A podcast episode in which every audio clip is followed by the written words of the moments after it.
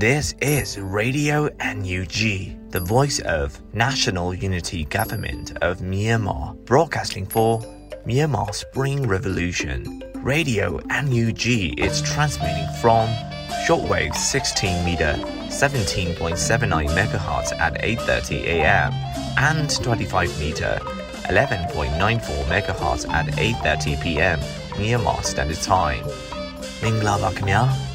အမျိုးသားညီညွတ်ရေးအစိုးရရဲ့အတန်လွင့်ဌာန Radio NUG ကိုမနက်ပိုင်း၈နာရီခွဲမှာလိုင်းတို16မီတာစက္ကန့်တက်သမ9 MHz ညပိုင်း၈နာရီခွဲမှာလိုင်းတို25မီတာ17တက်သမ6 MHz တို့မှာဓာတ်ရိုက်ဖမ်းယူနိုင်နိုင်ပါပြီမင်္ဂလာအပေါင်းနဲ့ပြည့်စုံကြပါစေအခုချိန်ကစပြီး Radio NUG အစီအစဉ်တွေကိုဓာတ်ရိုက်အတန်မြင့်ပေးနေပါပြီ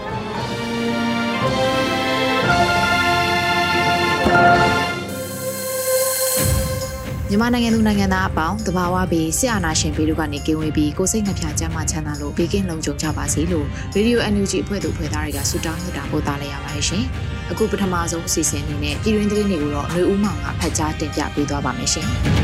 ။မင်္ဂလာပါခင်ဗျာ။ယခုချိန်ကစပြီး Radio NUG ညနေခင်းသတင်းများကိုဖတ်ကြားတင်ပြပေးပါရမယ်။ကျွန်တော်ကတော့ຫນွေဦးမောင်ပါ။ပထမဦးဆုံးသတင်းကိုတင်ဆက်ပေးပါရမယ်။ PDF ရဲဘော်တွေဟာအမြဲတမ်းတိုက်လို့စိတ်အပြည့်ရှိနေတယ်လို့ပြည်ထောင်ရေးဝန်ကြီးဦးဝင်ကိုလက်ကပြောကြားခဲ့တဲ့သတင်းပဲဖြစ်ပါတယ်။အောက်တိုဘာ23ရက်နေ့ထုတ်သတင်းအရ PDF ရဲဘော်တွေဟာတိုက်ပွဲအတွေ့အကြုံကောင်းကောင်းမွန်မွန်ရနေပြီးအမြဲတမ်းတိုက်လို့စိတ်အပြည့်ရှိနေတယ်လို့အမျိုးသားညီညွတ်ရေးအစိုးရ NUG ပြည်ထောင်ရေးနဲ့လူဝင်မှုကြီးကြပ်ရေးဝန်ကြီးဌာနပြည်ထောင်စုဝန်ကြီးဦးဝင်ကိုလက်ကဆိုပါတယ်။အောက်တိုဘာ12ရက်နေ့ကျင်းပတဲ့ဒေါ်လန်ထောက်ဖို့တောင်းပိုင်းသို့ဒေါ်လန်ရေးရန်ပုံငွေ ကန်ဆာမဲလက်မှတ်အယောင်းပိတ်ပွဲအခမ်းအနားမှာဝန်ကြီးကပြောပါတယ်။အခုဆိုရင် PDF ရဲဘော်တွေဟာတိုက်ပွဲအတွေ့အကြုံလဲကောင်းကောင်းမွန်မွန်ရနေပါပြီ။အမြဲတမ်းတိုက်လို့စိတ်အပြည့်ရှိနေတဲ့ရဲဘော်တွေကအပြည့်ပါ။ကျွန်တော်တို့အမြဲတမ်းပြောပါတယ်။တိုက်စွမ်းရည်နဲ့တိုက်စွမ်းအားနှစ်ခုရှိတဲ့အထဲမှာစွမ်းရည်ရောစွမ်းအားရောဘုံမိုတိုးတက်လာတဲ့အခြေအနေရှိပါတယ်လို့ဝန်ကြီးကဆိုပါတယ်။လက်ရှိမှာပြည်သူ့ခုခံဒေါ်လန်စစ်တနစ်တာကာလအတွင်းစစ်ကောင်စီတပ်ဖွဲ့ဝင်2000ကျော်ကြာဆုံးခဲ့ပြီးစ ကိုင်းမကွေးချင်းပြည်နယ်ကရင်ပြည်ဒေသကရင်ပြည်နယ်တို့မှာအကြအဆုံးအများဆုံးဖြစ်ပါတယ်ခင်ဗျာဆက်လက်ပြီးတစ်ဖက်ရန်သူကိုအားလုံးချိန်မုံမဲ့ထိုးစစ်စတင်တော့မှာမို့လို့စူးစီးညီညွတ်ဖို့ကအရေးကြီးလို့ပြည်ထောင်စုဝန်ကြီးဒေါက်တာဇော်ဝေဆိုးကပြောကြားလိုက်တဲ့သတင်းကိုတင်ဆက်ပေးပါမယ်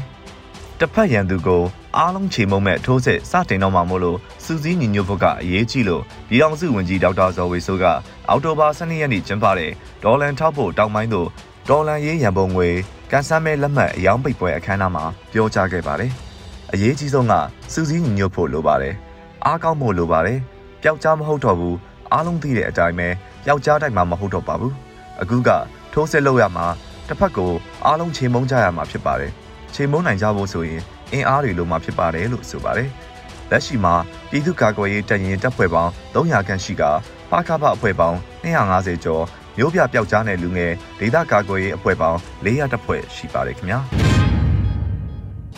ဆက်လက်ပြီးမြမအရေးအတွက်ကိုရီးယားနိုင်ငံ၏အခမ်းကဏ္ဍဆွေးနွေးပွဲကို NUG နိုင်ငံသားရေးဒုဝန်ကြီးတက်ရောက်ခဲ့တဲ့တဲ့တင်အားတင်ဆက်ပေးပါမယ်။အောက်တိုဘာလ12ရက်နေ့တွင်မြမအရေးအတွက်ကိုရီးယားနိုင်ငံ၏အခမ်းကဏ္ဍဆွေးနွေးပွဲမှာ NUG နိုင်ငံသားရေးဝန်ကြီးဌာနဒုတိယဝန်ကြီးဦးမိုးစောဦးမှအွန်လိုင်းမှာတဆင့်တက်ရောက်ကအဖွင့်ကျေးဇူးတင်စကားပြောကြားခဲ့ပါတယ်။ NUG အမျိုးသားညီညွတ်ရေးအစိုးရ၏ကိုရီးယားသမ္မတနိုင်ငံဆိုင်ရာကိုယ်စားလှယ်ဦးရန်နိုင်ထွန်းနဲ့ရုံးအဖွဲ့ People Moments for Making a Respected Nation အဖွဲ့မှစီစဉ်ကျင်းပသောမြမအရေးအတွက်ကိုရီးယားနိုင်ငံ၏အခမ်းကဏ္ဍမြမအရေးဆွေးနွေးပွဲသို့တက်ရောက်ခဲ့ပါတယ်။ Democratic Party မှလွှတ်တော်အမတ် Mr. Lee Yong-sun မြမဒီမိုကရေစီကွန်ရက်ဥက္ကဋ္ဌ Mr. ဂျောင်ပေါင်လက်နဲ့မြမအရေးတက်ကြွစွာအားပေးတဲ့ခရီးယန်သင်းအုပ်ဆရာများတက်ရောက်ကကိုရီးယားနိုင်ငံအစိုးရအဖွဲ့နဲ့ပြည်သူများမှရှေ့ဆက်ပြီးမြန်မာဒီမိုကရေစီရေးကိုကူညီနိုင်တဲ့ကိစ္စရပ်များနဲ့ဆက်လင်း၍အပြန်အလှန်ဆွေးနွေးသုံးသပ်ခဲ့ကြပါတယ်ခင်ဗျာဆက်လက်ပြီးလမ်းထိုင်အောင်စစ်စင်ရေးအဖြစ်ရန်ကုန်နဲ့မွန်ပြည်နယ်ရှိလက်နက်ကိုင်ပြူစောတိကောင်းဆောင်များအားရှင်းလင်းပေးခဲ့တယ်လို့ SOF အဖွဲ့ကအသိပေးခဲ့တဲ့သတင်းအားတင်ဆက်ပေးပါမယ်။ အောက်တိုဘာ23ရက်နေ့ထုတ်သတင်းအရလမ်းထိုင်အောင်စစ်စင်ရေးအဖြစ်ရန်ကုန်နဲ့မွန်ပြည်နယ်ရှိလက်နက်ကင်ပြူစောတိကောင်းဆောင်များအားရှင်းလင်းခဲ့တယ်လို့အော်တိုဘာလ23ရက်နေ့မှာစစ်ရေးသတင်းကိုအထူးစစ်စင်ရေးတပ်ဖွဲ့ SOF ကအသိပေးဖော်ပြပါတယ်။အထူးစစ်စင်ရေးတပ်ဖွဲ့ SOF မှစစ်ကောင်စီလက်အောက်ခံလက်နက်ကင်၍ပြည်သူအားအကြမ်းဖက်နေတဲ့ရန်ကုန်၊ကွန်းချံကုန်းမြို့နယ်တော်ကူးကျေးရွာရှိပြူစောတိကောင်းဆောင်စိုးအောင်တဲ့အဖွဲ့ဝင်၃ယောက်အားစက်တင်ဘာ14ရက်နေ့တွင်ဝင်ရောက်ပစ်ခတ်ရှင်းလင်းခဲ့ပါတယ်။ အောက်တိုဘာ10ရက်နေ့ညနေ6နာရီတွင်မွန်ပြည်နယ်ပေါင်မြို့နယ်အလက်ရွာမှအတွေးနဲ့ငမိုးကောင်းဆောင်သောပြူစောတိအဖွဲ့အားဝင်ရောက်ရှင်းလင်းရာကောင်းဆောင်တို့ဦးအားတုတ်တင်နိုင်ခဲ့ပြီးအဖွဲ့ဝင်တို့ထွက်ပြေးသွားပါတယ်လို့ဆိုပါတယ်။မြေပြင်သတင်းပေးပို့မှုအရ၎င်းပြူစောတိကောင်းဆောင်များဟာလူငယ်များအားမတရားဖမ်းဆီးနှိပ်စက်ခြင်းမိသားစုများထံမှငွေကြေးများတောင်းခံခြင်းနဲ့လောင်းကစားတိုင်များဖွင့်ကာတရားမဝင်အကြမ်းဖက်လုပ်ငန်းများကိုဆောင်ရွက်နေရလို့ဆိုပါတယ်။ မစ်ရှင်ဆောင်ရွက်ခဲ့တဲ့ SOF တပ်ဖွဲ့အားလုံးတရင်ဌာနချုပ်သို့ပြန်လည်ရောက်ရှိနေပြီဖြစ်ပါတယ်ခင်ဗျာ။ဆက်လက်ပြီးတင်ဆက်ပေးမယ့်သတင်းကတော့ CDM တွေလူရန်ထားတဲ့လက်ဆောင်ပစ္စည်းများကိုစုမဲလက်မှတ်ပြုလုပ်၍ရမုံငွေရှာမဲ့အကြောင်းပဲဖြစ်ပါတယ်။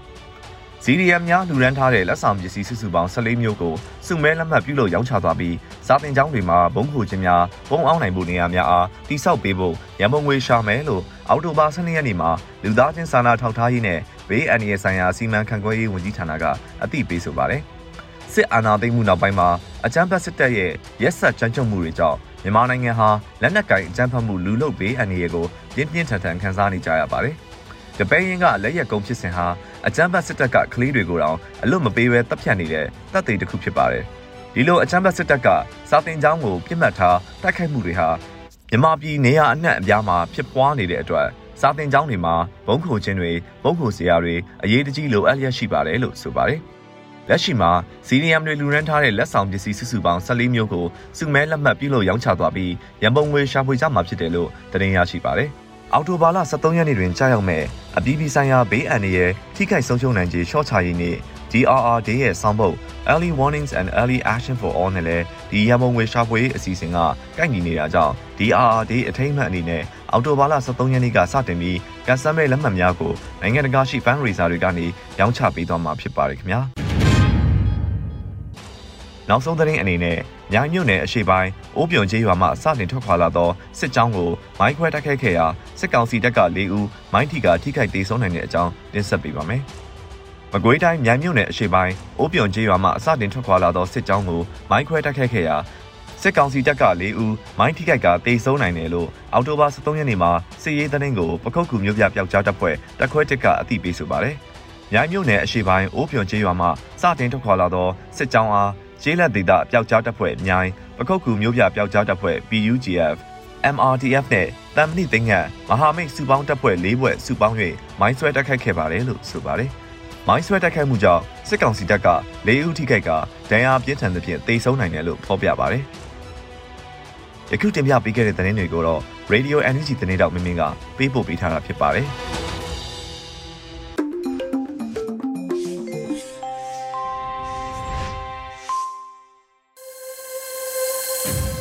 ပြည်တွင်းသတင်းတွေကိုနားဆင်ကြကြရတာဖြစ်ပါတယ်။အခုဆက်လက်ပြီးတော်လန်ရေးကြပြကဏ္ဍမှာတော့ကိုသားကြီးခရမ်းရေးဆက်ထားပြီးလွတ်လပ်ຫນွေဦးခန်းစားရွတ်ဖတ်ထားတဲ့ရှင်တန်ချင်းတရားလို့အမည်ရတဲ့ကြပြကိုနားဆင်ကြရပါတော့မယ်ရှင်။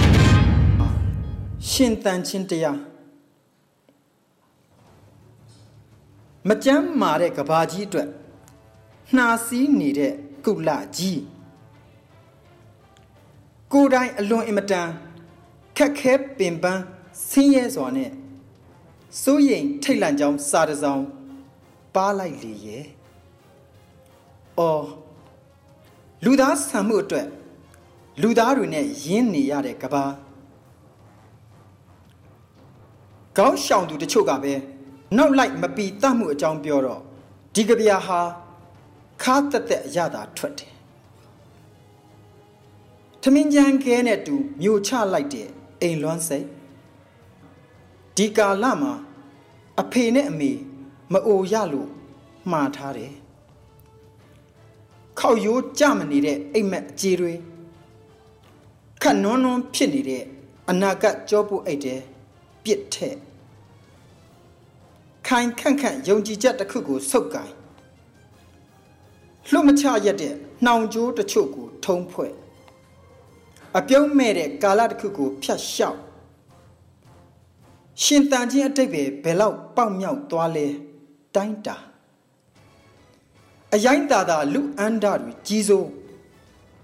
လူလိမ္မာတွေခဏတာအပြင်ထွက်ရတယ်ဆိုပေမဲ့ သွေးတွေကတစ်ဆက်တစ်ဆက်အကျွေးတွေအထက်ထပ်တင်နေတဲ့ဒီမတရားမှုခင်ဗျားတို့အကြိမ်ကြိမ်ဂရုပြုဖို့နှိုးဆော်လိုက်ပါရစေလက်ပြလုံးတိတ်ခါခြုံတဲ့မျိုးဆက်တစ်ခုကိုထားခဲ့ဖို့ကျုပ်တို့ရေးတဲ့သမိုင်းမှာဘယ်တရားကိုနာလို့ဘယ်တရားကိုဟောခဲ့ကြောင်းပြန်ပြောပြစရာမလိုဧခန်းကဘွဲ့တပ်ပုံတွေကြောင်းဘယ်တော့မှထုတ်မပြောတော့မေ လူအတိုင်းအဝိုင်းတစ်ခုသာလိုတယ်ကိုချင်းစာတရားနဲ့စာနာစိတ်စကလုံးတွေကိုအပြင်ထုတ်စိတ်ရင်းနဲ့တကယ်အလုတ်လုတ်တဲ့လူအတိုင်းဝိုင်းတစ်ခုသာလိုတယ်။ကောင်းမော့ရင်ကော့နေတဲ့မျိုးဆက်တိုင်းဟာရိုးသားစွာလက်မှထောင်နိုင်ဖို့သာလိုတယ်။မသေးခင်ရှင်တန်ချိန်ကအဘယ်သို့သောတရားကိုကျင့်ခဲ့ကြောင်း မျိုးဆက်တွေကိုကြည့်ရင်သိမယ်။ကျုပ်တို့ရွေးချယ်မှုသည်ကျုပ်တို့သမိုင်းသာလျင်ကိုသားကြီးခယံ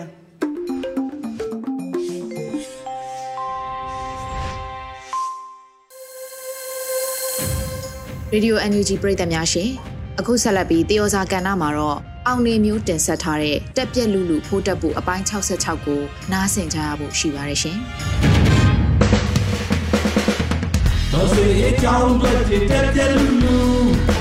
မထူးစားခင်းနေပါဖိုးတက်ဘူးတက်ပြက်လူလူဖိုးတက်ဘူးတက်ပြက်လူလူဖိုးတက်ဘူး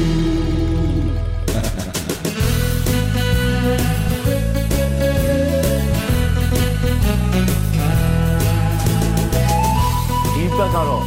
ချမ်းဖို့တတိုက်အတိုက်ပြက်ပြီးတော့ကတောင်းကနေဖြစ်နေရတဲ့အဖြစ်အပျက်လေးတွေပြောကျင်တယ်ဗျာ ချမ်းဖို့ကသေတန်းတန်ထေးတယောက်ကတော့ညောင်းသွားပြီသူ့နေရာကိုဘိုးတက်မှုကျင်ဆိုးစိတ်ကြိုက်လက်မရွတ်ခင်ကြီးဝင်လာပြီဗျာ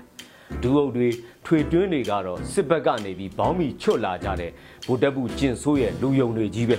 တနည်းပြောရရင်တော့ဂျမ်ဖို့ပါတီကိုလည်းဘိုးတက်မှုကျင်ဆိုးကအာနာသိမ့်ပြီးမောင်းပိုင်စီလုတ်ပြချင်းခံရတော့တာပဲခင်ကြီးဆိုတာကဆီယမပန်းနုတို့ကိုကြီးကိုငယ်တို့ဒိုင်ဘာအောင်ကြီးတို့ရဲ့တရားရုံးရောက်ကုန်ကြရတဲ့ဗစ်တိုးရီးယားကလေးမရင်းကျင့်တဲ့ ကျောင်းပိုင်ရှင်ကြီးပေါ့ပြီးရင်တက်ထောက်ခံပွဲတွေရဲ့ပဲ့ကန်ရှင်ကြီးဆိုလဲဟုတ်တာပေါ့ထားပါဒါတွေကဖေးဖို့မှာတောင်ပို့မြောက်ပို့ပို့လိုက်ရင်ပဲသိလာမယ့်ဟာတွေထွေထူးမပြောလို့တော့ဘူးပြောရမှာကဘောင်းမီချူပြီးပါတီတဲ့လေဒီခုံကြတဲ့ကိစ္စငကိုကလေးကတရေမမှန်တဲ့ဘောင်းမီချွတ်ပါတီမှုဒါကမဆန်ဘူးပဲထားအယက်သားပါတီပုံစံပြောင်းပြီးတော့စစ်ပူတွေပါဝင်မှုနှုံးက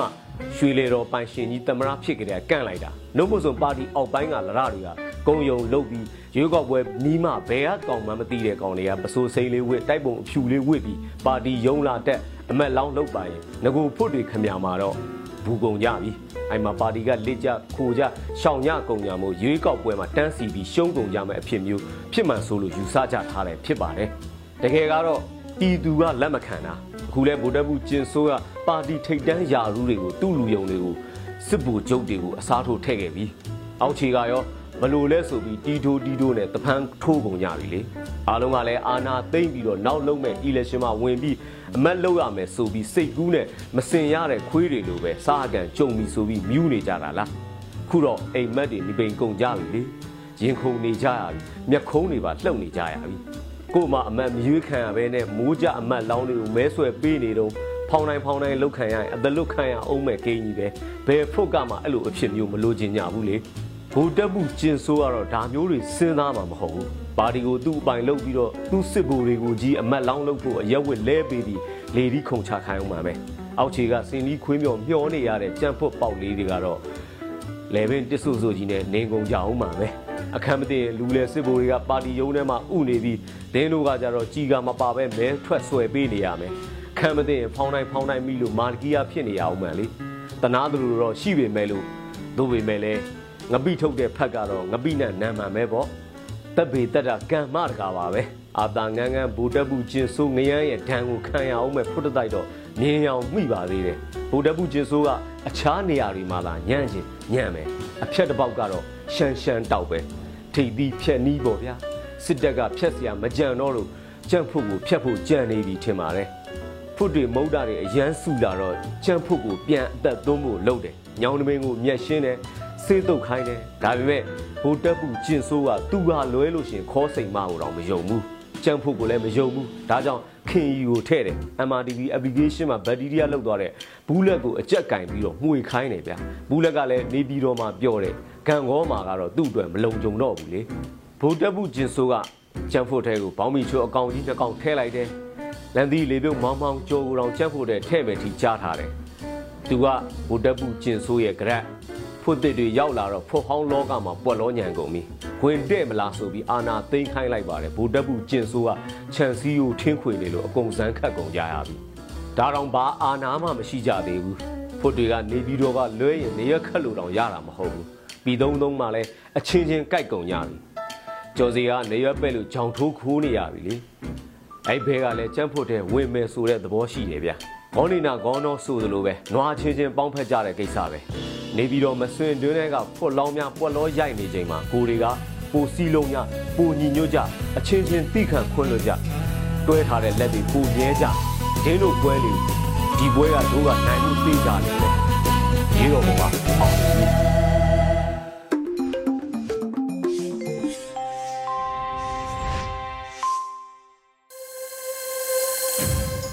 ခုဆက်လက်ပြီးမြန်မာနွေဦးခရိုနီကယ်အောက်တိုဘာ12မြင်ကွင်းကြိုက်တီယိုတောင်ကြီးကမွန်စခန်းပြစ်ခတ်မှုအတွင်းဖျားဘူး3ဦးသေဆုံးတယ်ဆိုရက်မိုးမခဆောင်းပါကိုနွေဦးလေပြေကဖတ်ကြားတင်ပြပေးထားပါတယ်ရှင်။ကြိုက်တီယိုတောင်ကြီးကင်မွန်စကန်ပြစ်ခတ်မှုအတွင်းဖျားဘူး3ဦးသေဆုံးအမည်ရတဲ့မြန်မာနွေဦးခရိုနီကယ်အောက်တိုဘာ12မြင်ကွင်းမိုးမခဆောင်းပါကိုဖတ်ကြားတင်ပြပေးပါမယ်။ ဒီနေ့နေကင်းမိုင်းမှာမွန်ပြည်နယ်ကြိုက်ထုမြို့နယ်ကကြိုက်ထီယိုဖျားကိုတက်မဲ့တောင်ကြီးကကင်မွန်စကန်ဝင်းထဲမှာရှိတဲ့စစ်ကောင်စီလုံခြုံရေးကင်းစကန်ကိုအမည်မသိရသေးတဲ့လက်နက်ကိုင်အဖွဲ့တစ်ဖွဲ့ကကားနဲ့လာရောက်ပစ်ခတ်မှုဖြစ်ပွားခဲ့ပါတယ်။စစ်ကောင်စီဘက်ကပြန်လည်ပစ်ခတ်ရမှာဖျားဘူးသုံးဦးကြီးချိမှန်သေးဆုံးပြီးတရားစင်ကျော်ဒဏ်ရာရတဲ့အဖြစ်အပျက်ဖြစ်ပွားခဲ့ပါတယ်။ကြိုက်ထီယိုနဲ့ဆက်ဆက်နေတဲ့ကင်မွန်စကန်ကရဲကင်းရဲစကန်တွေကို PDF တွေကပြီးခဲ့တဲ့တစ်နှစ်ကျော်ကာလအတွင်း ဒီကြိမ်မကပြစ်ခတ်ခဲ့တာတွေရှိခဲ့ပြီးရဲအချို့သေဆုံးခဲ့တာတွေရှိခဲ့တာဖြစ်ပါတယ်။ကြိုက်ချိုမြို့နယ်ကတိန်စရက်အနီးတစ်ဝိုက်ရန်ကုန်မော်လမြိုင်ကားလမ်းမှာလည်းမကြာခဏစစ်ကောင်စီရင်နှန်းတွေကိုပြစ်ခတ်တိုက်ခိုက်တာတွေဖြစ်ပွားလေရှိတာဖြစ်ပါတယ်။ဒီနေ့ဖြစ်ပွားတဲ့ပြစ်ခတ်မှုမှာတော့တရင်ကျော်လှပြည့်ပြီးနောက်ပိုင်းပွင့်လင်းရသည့်ကြိုက်ချီယိုဖျားဘူးသူများပြားလာခြင်းလည်းဖြစ်လို့တည်ဆုံမှုနဲ့တန်ရာရမှုတွေရှိခဲ့တာပါ။ဒီနေ့ဖြစ်ပွားတဲ့တိုက်ခိုက်မှုကို ဘယ်အဖွဲ့ကလှုပ်ဆောင်တာလဲဆိုတာတော့ထုတ်ပြန်ပြောဆိုမှုတွေမရှိသေးပေမဲ့ဒေသအလိုက်ဖွဲ့စည်းထားကြတဲ့ PDF အဖွဲ့တွေဖြစ်လိမ့်မယ်လို့ခန့်မှန်းယူဆကြတာပါဒီဒေသမှာလှုပ်ရှားနေတဲ့ KNU ရဲ့အကူအညီတွေပါကောင်းပါရှိနိုင်ပါတယ်စစ်ကောင်စီတပ်တွေကင်းချထားတဲ့ကင်းစခန်းကိုပြစ်မှတ်ထားတိုက်ခိုက်မှုဟာစစ်ရေးအရာကြီးကြီးမားမားအရေးပါတဲ့ပြစ်မှတ်မဟုတ်ဘဲစစ်ကောင်စီတပ်သားအများပြားလဲထိခိုက်နိုင်တာမဟုတ်ပေမဲ့တစ်ဖက်မှာတော့ ဖျားဖူးသူတွေထိခိုက်သေးဆုံးမှုရှိတာကြောင့်စစ်ကောင်စီဝါရဖြန့်ချီရေးမှာအတုံးချဖို့ရအတွက်အချက်တစ်ချက်ဖြစ်နိုင်ပါတယ်။ဖျားဖူးတွေထိမှန်သေးဆုံးရတဲ့အကြောင်းရင်းကစစ်ကောင်စီတွေဘက်ကပြစ်ခတ်မှုကြောင့်လို့ပြောဆိုမှုတွေရှိပေမဲ့ဒီလိုပြစ်မှတ်ကိုအလစ်အငိုက်တိုက်ခိုက်ဖို့ရွေးချယ်မှုအပေါ်မှာဝေဖန်ကြတွေရှိကောင်းရှိနိုင်တာဖြစ်ပါတယ်။ဖျားဘူးအရသားတွေရှိတဲ့နေရာမျိုးကိုတိုက်ခိုက်ဖို့ရွေးချယ်မှုကဘာသာရေးကိုအသုံးချပြီး ဝါရဖြန့်တာတွေလှုပ်လာနိုင်တာလည်းဖြစ်ပါတယ်။88အရေးခင်းမတိုင်မီကာလာတော့ကကြိုက်ကြီးဟိုတောင်ပေါ်ကစခန်းနဲ့ဈေးဆိုင်နေရာတွေကို KNU ကတိုက်ခိုက်ခဲ့မှုတဲ့ဖြစ်ရပ်တစ်ခုရှိခဲ့ပြီးအဲ့ဒီဖြစ်ရပ်က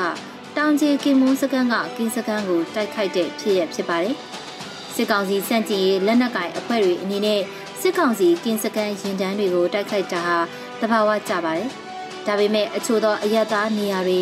ဘာသာရေးနေရာတွေလိုမျိုး တိုက်ခိုက်တာမျိုးကိုသတိပြုပြီးရွေးချယ်ဆုံးဖြတ်သင့်တယ်လို့မြင်မိပါတယ်။ဒီနေ့ဖို့အခြားသတင်းတစ်ပုဒ်ကတော့ဒေါအောင်ဆန်းစုကြည်အပေါ်စစ်ကောင်စီကဆွဲဆိုထားတဲ့အဂရိလိုက်စားမှုအမှုတမှုအတွက်ထောင်ဒဏ်3နှစ်နေပြည်တော်မှာဒီနေ့ချမှတ်လိုက်တာကြောင့်စုစုပေါင်းထောင်ဒဏ်26နှစ်ရှိသွားပြီဖြစ်တဲ့သတင်းဖြစ်ပါတယ်။စေပိုင်းကုမ္ပဏီပိုင်ရှင်နဲ့လူသိများတဲ့မြန်မာခရိုနီလုပ်ငန်းရှင်ဦးမောင်ဝိတ်ကသိန်းကနန်းနဲ့ချီရှိတဲ့ဒေါ်လာတွေလက်ခံရယူခဲ့တဲ့ဆိုတဲ့ဆွဆွဲချက်နဲ့ စစ်ကောင်စီထိန်းချုပ်ထားတဲ့တရားရုံးကပြစ်ဒဏ်ချမှတ်ခဲ့တာဖြစ်ပါတယ်။ဒီ26နှစ်ဆိုတဲ့ပြစ်ဒဏ်ပမာဏဟာတတရားမျှတမှုလည်းမရှိသလိုအမှန်တကယ်ကြခံရမယ်လို့လည်းဘယ်သူမှမယုံကြည်ကြပေမဲ့လည်းဒီလိုအမှုပေါင်းတရားစင်ကျော်နဲ့ဆွဲဆိုပြီးထောင်ဒဏ်တွေတစ်ခုပြီးတစ်ခုတိုးပြီးရင်တိုးနေတာကိုကြည့်ရင်စစ်ကောင်စီအာဏာရှိနေတွေ့ NLD ကောင်းဆောင်ကိုနိုင်ငံရေးနယ်ပယ်ထဲပြန်မလာနိုင်အောင်ရည်ရွယ်လှုပ်ဆောင်နေဆိုတာနှမ်းဆနိုင်ပါတယ်။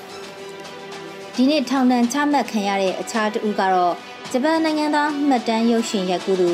တိုရုကူကိုတာဖြစ်ပါတယ်။လအနေငယ်ကမြန်မာနိုင်ငံရန်ကုန်မြို့ကိုအလဲပတ်ဗီဇာနဲ့ဝင်ရောက်လာပြီးဆန္ဒပြမှုတစ်ခုကိုမှတ်တမ်းရုပ်ရှင်ရိုက်ကူးနေစဉ်မှာပဲစစ်ကောင်စီတပ်တွေကဖမ်းဆီးခဲ့တာဖြစ်ပါတယ်။သူကိုအရင်လကပုံမှန်နှစ်ခုနဲ့ထောင်ဒဏ်9နှစ်ချမှတ်ခဲ့ပြီးလူဝင်မှုကြီးကြပ်ရေးပုံမှန်နဲ့တဖန်3နှစ်ချမှတ်ခဲ့တာဖြစ်ပါတယ်။ ဂျပန်မှတ်တမ်းရုပ်ရှင်ရိုက်ကူးသူအဖမ်းခံရပြီးတဲ့နောက်မှာစစ်ကောင်စီနဲ့ဆက်ဆံရေးကောင်းမွန်တဲ့ဂျပန်လွှတ်တော်အမတ်တူနေပြည်တော်လာရောက်ခဲ့ပြီး၎င်းတို့နိုင်ငံသားလွတ်မြောက်ရေးအတွက်ပြောဆိုမှုတွေရှိခဲ့ပြီးတရားစီရင်ရေးကိစ္စတွေပြီးနောက်မှပြန်လွှတ်ပေးဖို့စဉ်းစားမဲ့သဘောပြောဆိုမှုပါတယ်။စစ်ကောင်စီလက်ထက်မြန်မာနိုင်ငံသားပေါင်းထောင်နဲ့ချီအသက်ဆုံးရှုံးခဲ့ရပြီးဖြစ်တယ်လို့တောင်းနဲ့ချီဖမ်းဆီးခံနေကြရပြီးအကျဉ်းထောင်တွေမှာနိုင်ငံရေးအကျဉ်းသား တောင်းကနဲ့နဲ့ချီရှိနေတဲ့စံချိန်တင်ရမယ့်ကာလတစ်ခုလည်းဖြစ်နေပါတယ်။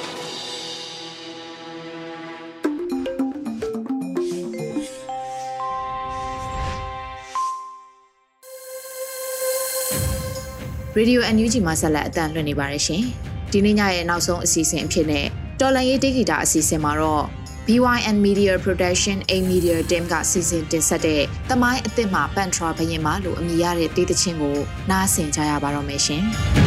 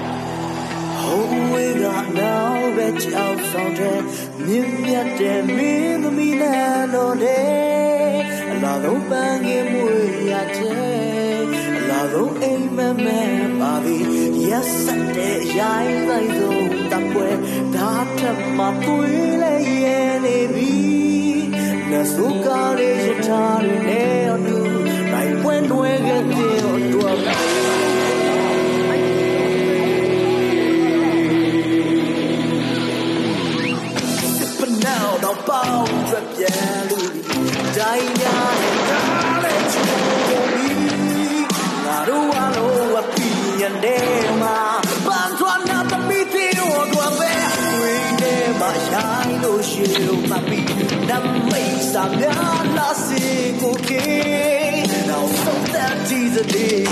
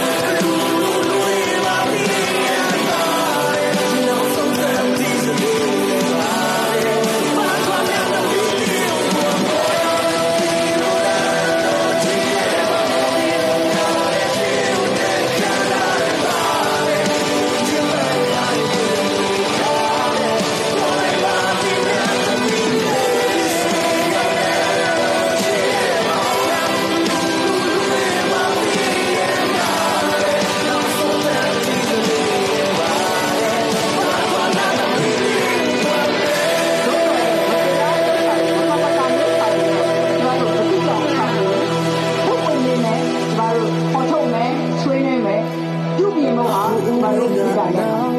ကြောက်ဆောင်ခြင်းမြင်မြတ်တဲ့မင်းသမီးနန်းတော်တဲ့အလားလုံးပန်းငယ်မူရတဲ့အလားဆုံးအဲမဲမဲ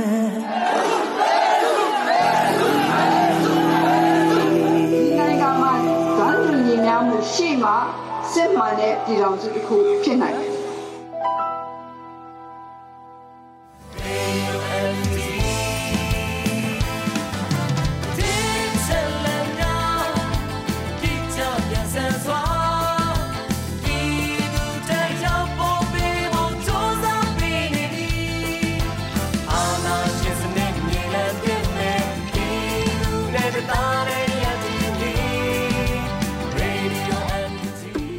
ကနေ့ကတော့ဒီညနေပဲ Radio NUG ရဲ့အစည်းအဝေးကိုခਿੱတရနာလိုက်ပါမယ်မြန်မာစံတော်ချိန်မနက်၈နာရီခွဲနဲ့ည၈နာရီခွဲအချိန်တွေမှာပြန်လည်ဆုံးဖြတ်ကြပါစို့ Radio NUG ကိုမနက်ပိုင်း၈နာရီခွဲမှာလိုင်းဒို16မီတာစက္ကန့်တသမ9 MHz ညပိုင်း၈နာရီခွဲမှာလိုင်းဒို25မီတာ17တသမ6 MHz တို့မှာဓာတ်ရိုက်ဖမ်းယူနားဆင်နိုင်ပါပြီမြန်မာနိုင်ငံသူနိုင်ငံသားများကိုယ်စိတ်နှပြကျန်းမာချမ်းသာလို့ဘေးကင်းလုံခြုံကြပါစေလို့ Radio NUG အဖွဲ့သူအဖွဲ့သားများကဆုတောင်းလိုက်ရပါတယ်။အမျိုးသားညီညွတ်ရေးအစိုးရရဲ့စက်သွေးရေးတရင်အချက်အလက်နဲ့ဤပညာဝန်ကြီးဌာနကထုတ်လွှင့်နေတဲ့ Radio NUG ဖြစ်ပါတယ်။ San Francisco Bay Area အခြေစိုက်မြန်မာမိသားစုများနဲ့နိုင်ငံတကာကစေတနာရှင်များလှုပ်အားပေးများရဲ့ Radio NUG ဖြစ်ပါတယ်